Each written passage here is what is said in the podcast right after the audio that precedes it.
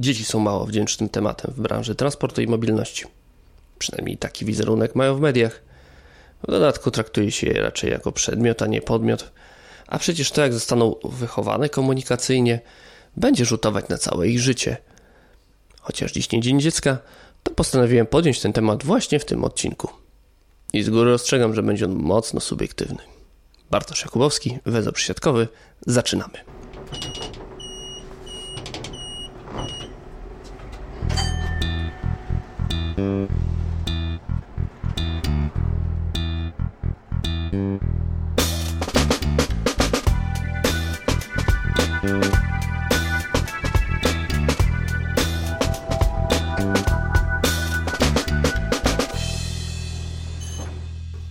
O tym, jak dziecko wpływa na transport i mobilność, myśli się jeszcze zanim opuści ono łono mamy. Kobiety w ciąży mają możliwość korzystania ze specjalnych miejsc w autobusach i pociągach. Ich lot samolotem jest obwarowany ograniczeniami, a na forach internetowych nie brakuje dyskusji o tym, czy w ciąży należy, czy nie należy zapinać pasu w aucie. Potem mamy temat dojazdu na porodówkę. Tu po raz pierwszy wjeżdża nam wykluczenie transportowe, które pojawi się dzisiaj kilkukrotnie. No, bo czasem dojazd do szpitala bywa niewygodny, szczególnie kiedy kobieta musi poradzić sobie z nim sama, a transportu publicznego nie ma. W dodatku porody czasem zdarzają się bardzo dynamiczne, o czym świadczą choćby akcje porodowe w środkach właśnie transportu publicznego. O tatusiach prujących samochodami do porodu dużo ponad limitem gadać raczej szkoda. Jak każdy kierowca, który przekracza prędkość, są po prostu zagrożeniem dla siebie i innych. Ale załóżmy, że dziecko na świecie już jest i co teraz? Niemowlaki z definicji są raczej mało mobilne, więc potrzebują środka transportu w postaci wózka lub rodzica noszącego w chuście. I to właśnie moment rozpoczęcia spacerków z wózkiem jest jednocześnie tym czasem, kiedy zaczynamy zauważać problemy w sprawnym poruszaniu się. Dostrzegamy nierówne chodniki, wysokie krawężniki i różne wąskie przejścia, gdzie wózek z dzieckiem nie bardzo chce się zmieścić. Nagle zaczynamy widzieć wszystkie miejsca, do których nie można dojść inaczej niż po schodach. Zaczynamy widzieć niesprawne windy i te, w których trzeba trzymać przycisk przez cały czas przejazdu. Ojcowie z wózkami dodatkowo mogą przekonać się, jak to jest być niewidzialnym. Bo ile mamy z wózkami dziecięcymi, czasami ktoś dostrzega, chociaż też rzadko. To najlepszy sposób dla mężczyzny na niewidzialność to wejście z wózkiem dziecięcym do wysokopodłogowego tramwaju. Gwarantuję wam, w co najmniej 9 na 10 przypadków nikt was nie zauważy. Zupełnie inaczej działa inny środek transportu dla najmniejszych, czyli chusta. Mężczyzna dzieckiem w chuście nigdy nie zostanie niezauważony. Spora część rodziców oczywiście nie bawi się w żadne wózki, tylko inwestuje w fotelik samochodowy i swoje dziecko wozi samochodem.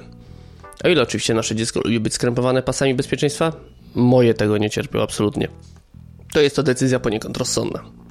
Samochód w końcu nie musi pokonywać schodów w drodze na przystanek autobusowy albo na peron stacji kolejowej, a przejazd na drugą stronę skrzyżowania nie wymaga wchodzenia do przejścia podziemnego albo na kładkę.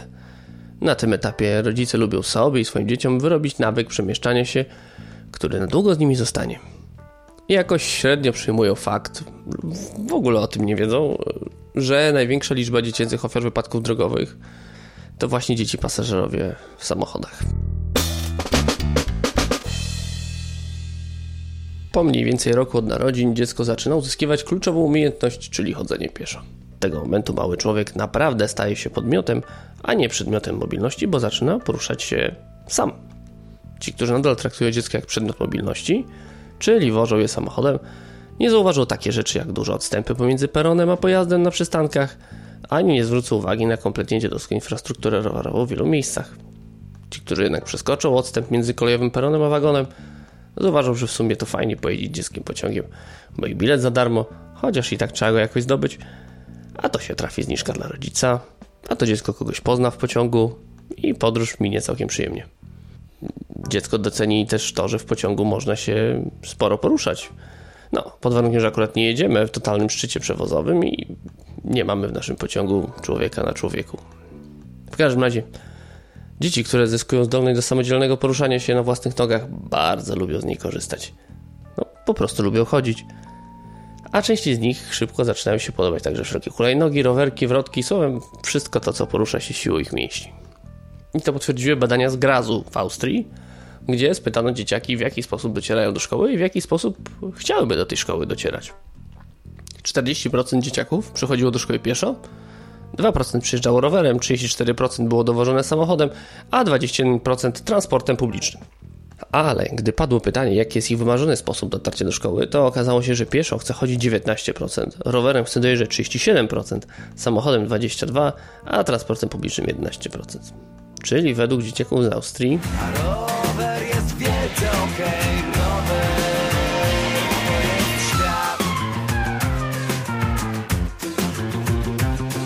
Nie znalazłem badań, w których ktoś by pytał polskich dzieci, czym docierają do szkoły, ale Santander Consumer Bank rok temu pytał o to ich rodziców.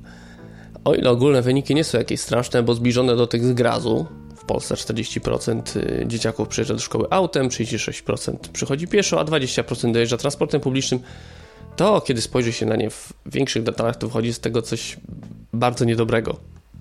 Otóż wśród badanych deklarujących zarobki powyżej 3000 zł samochodem wozi dziecko na lekcję 62% rodziców. W grupie o najniższych dochodach do 999 zł robi to połowę mniej. Czyli jednak auto to jest coś, czym trzeba pokazać się pod szkołą. Co trwoży mnie jeszcze bardziej to fakt, że samochód to najpopularniejszy sposób transportu uczniów w średnich miastach między 250 a 500 tysięcy mieszkańców. I jest to prawie 54%. Pytanie, na ile to skrzyżowanie z kryterium dochodowym jest, a na ile to efekt tego, o czym mówiłem w jednym z poprzednich odcinków, czyli o tym, że transportem łata się dziury w, w polityce przestrzennej i społecznej. Przy czym informacja o 47% uczniów, którzy potrzebują ponad pół godziny na dotarcie do szkoły, wskazuje, że chyba jednak chodzi o to drugie. Tym sposobem niejako automatycznie wpłynąłem na temat pierwszej potrzeby komunikacyjnej dzieci, czyli dotarcie do przedszkola, a potem do szkoły. Temat ten też poruszył Adam Sobieraj podczas konferencji Pieszy Zawsze Pierwszy. Relację z nim mogliście usłyszeć w 15 odcinku Węzła Przesiadkowego, a dziś tylko przypominam krótki fragment jego wypowiedzi. Jak mają zaprowadzić bezpiecznie dziecko do szkoły i czy są w stanie puścić to dziecko samo, tak jak kiedyś w mojej pierwszej klasie, w drugim semestrze pani mi powiedziała, że przeprowadzanie przez rodzica jest źle widziane. Masz przyjść sam do szkoły. W związku z tym dzisiaj niestety większość osób e, albo z wygody, albo po prostu z braku wyboru dowozi dzieci do szkoły, ponieważ boi się tak naprawdę o to bezpieczeństwo. Z drugiej strony płotki, które powstają pod szkołami są efektem właśnie tego, że tutaj przyjeżdżamy po drodze z dziećmi. Co stoi na przeszkodzie, żeby dzisiejsi siedmiolatkowie mogli sami chodzić do szkoły? Na pewno nie są to przepisy, bo dziecko po ukończeniu siódmego roku życia może samo poruszać się po drogach publicznych, czyli może przejść przez ulicę bez asysty dorosłego. Wbrew temu, co podobno niektóre szkoły wymagają, wasze siedmioletnie dziecko może już samo wracać ze szkoły. No, ale zaraz ktoś powie, że przecież jest niebezpiecznie. No cóż, tym jedynym niebezpieczeństwem jest ruch samochodowy – generowane również przez tych, którzy dowożą i odbierają swoje dzieci samochodami, bo przecież jest zbyt niebezpiecznie, dziecko jest zbyt małe, żeby pieszo iść do szkoły. To, że pod typowym przedszkolem lub szkołą w okolicach godziny 8 rano odbywa się ista samochodowa dzicz, to chyba nie trzeba opowiadać nikomu. Byle szybciej, byle bliżej podjechać pod drzwi, byle pozbyć się towaru przewozowego i ruszyć dalej. Miasta w Europie zaczynają z tym walczyć, zamykając na krótki czas y, tych godzin szczytu ulice pod szkołami. Czytając reakcję na takie rozwiązania, znalazłem następujący tekst, posłuchajcie. Taki zakaz to ogromne utrudnienie dla rodziców, którzy podwożą dzieci do szkoły w drodze do pracy. Brak możliwości dotarcia do szkoły samochodem, czyli najszybszym transportem wymusi na uczniach wcześniejsze wstawanie i spowoduje dodatkowy deficyt snu. A to już nie wpłynie pozytywnie na ich zdrowie, samopoczucie i wyniki w nauce. Trzeba także pamiętać, że niektóre podwożone dzieci mieszkają naprawdę daleko od szkoły, niekiedy nawet w sąsiednich miejscowościach. W ich przypadku dotarcie na poranne lekcje w inny sposób niż samochodem będzie bardzo czasochłonne, a może nawet niebezpieczne. I mamy tu klasyczne pomieszanie przyczyny ze skutkiem. Jeżeli samochód jest najszybszym transportem, to znaczy, że polityka transportowa miasta promuje ruch drogowy kosztem wszelkiego innego, czyli czyni ulice ruchliwymi i tym samym niebezpiecznymi dla dzieci. Tak, tak, takiego argumentu używają rodzice, którzy obawiają się bezpieczeństwa swoich dzieci na drodze do szkoły. Jeżeli twoje dziecko musi wcześniej wstawać do szkoły, bo czeka je długa droga do tej szkoły, to problem jest w wyborze miejsca zamieszkania, bo to oznacza, że rodzice zamieszkali z dala od infrastruktury edukacyjnej, a czasem ten problem jest w polityce społecznej państwa, która nie potrafi zapewnić odpowiedniej dostępności przedszkoli i szkół. Jaki z tego wniosek? No, warto myśleć o przyszłości swoich dzieci, bo cichego domku na przedmieściach dzieci nie cenią tak bardzo jak bliskości szkoły, z której mogą wracać pieszo razem z koleżankami i kolegami. I to nie jest mrzonka miejskiego aktywisty, tylko zbadany naukowo fakt. Żeby nie szukać daleko. Polecam książkę Suburbanizacja po polsku Katarzyny Kajdanek, w którym cały rozdział jest poświęcony problemom dzieci, które przez wyprowadzkę pod miasto tracą kontakt z rówieśnikami i zyskują mnóstwo stresu i problemów. Są jednak sytuacje, kiedy nie mamy takiej decyzyjności przy wyborze miejsca zamieszkania, a dziecko kończy edukację w szkole podstawowej i tym samym kończy się obowiązek zapewnienia mu dojazdu przez samorząd. A przecież potrzeby transportowe dzieci to nie jest tylko dojazd do szkoły. Więc znów albo dziecko staje się przedmiotem wożonym przez rodziców samochodem, albo albo nie ma nic. Bo okazuje się, że żadnego transportu publicznego nie ma. I w takiej sytuacji znaleźli się nastolatkowie z wielkopolskiego Witkowa w powiecie gnieźnieńskim, którzy dostali się do szkół średnich w oddaleniu o 20 km wrześni. Tyle, że z Witkowa do wrześni nie kursuje żaden autobus. Pozostał już mniej niż tydzień do rozpoczęcia roku szkolnego, oni nadal nie wiedzą, czy będą mieli czym dojechać do szkoły, do której przecież nie było wcale tak łatwo się dostać.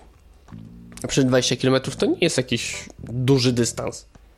Tymczasem lokalne samorządy chowają głowy w piasek, a lokalny busiarz oferuje ponad 20-osobowej grupie uczniów bilety miesięczne w cenie trzymajcie się 400 zł. Nawet doliczymy ulgę ustawową, to wychodzi, że stawka, jaką wówczas skasowałby od rodziców tych dzieciaków, jest wyższa od tej, jaką miasto stołeczne Warszawa płaci za niskopodłogowy, klimatyzowany, nowiutki autobus hybrydowy. Najbardziej budujące jest to, że, że o zapewnienie komunikacji pomiędzy tymi dwoma miejscowościami walczą sami nastolatkowie, zorganizowani przez Wiktorię Ostrowską z Witkowa. I to właśnie oni, a nie samorządy ani przewoźnicy, doskonale rozumieją, jak działa transport publiczny i co jest potrzebne, żeby był atrakcyjny i funkcjonalny. Zarazem najsmutniejsze jest to, że ich energia zostanie zmarnowana przez samorządy grające w durnia i przerzucające się odpowiedzialnością za organizację transportu publicznego. I w ten sposób wyrabia się w dzieciach, chociaż to już przecież nie dzieci, tylko nastolatkowie, silny nawyk, że bez samochodu nie mają czego szukać w świecie. I zrobią prawo jazdy, jak skończą 18 lat, a za 3 dekady będą wozić swoje dziecko samochodem. No bo przecież jest zbyt daleko i zbyt niebezpiecznie, żeby to dziecko mogło samo iść do szkoły. Na zakończenie. Nie ma nic złego w tym, że czteroosobowa rodzina ma samochód i że dziecko też nim jeździ. No, oczywiście jako pasażer, nie jako kierowca, tak? Bo pewnie są dzieci, które lubią jeździć samochodem i nic z tym dziwnego. Gorzej, jeżeli od dzieciństwa dzieci podróżują tylko samochodami, bo tak jak jedzenie słodyczy na śniadanie, obiad i kolację nie ma nic wspólnego z racjonalnym żywieniem, tak jeżdżenie wszędzie samochodem nie ma nic wspólnego ze zrównoważonym transportem. I warto, będąc rodzicem, myśleć o tym, jakie konsekwencje dla naszych dzieci będą miały nasze dzisiejsze decyzje. Oczywiście nie na wszystko mamy wpływ. Ale jeżeli już jakiś mamy, to warto wybrać to, co może dzisiaj nie będzie najwygodniejsze dla nas, ale za to zaprocentuje na przyszłości. Jakie korzyści może odnieść dziecko, które chodzi do szkoły pieszo lub dojeżdża rowerem, możecie przeczytać na stronie dziecisołważne.pl. Link y, znajdziecie w opisie odcinka, podobnie jak do innych materiałów, y, z których korzystałem przygotowując tę audycję. A główną inspiracją do tego, aby wziąć się za temat mobilności dzieci, był dla mnie 14 odcinek podcastu Ojcowska Strona Mocy, na który również Was zapraszam, bo bardzo praktycznie porusza kwestię poruszania się z dziećmi i komunikacją miejską. Na dziś to wszystko. Jeżeli uważacie, że warto coś dodać w tym temacie, to zapraszam do komentowania. Do usłyszenia.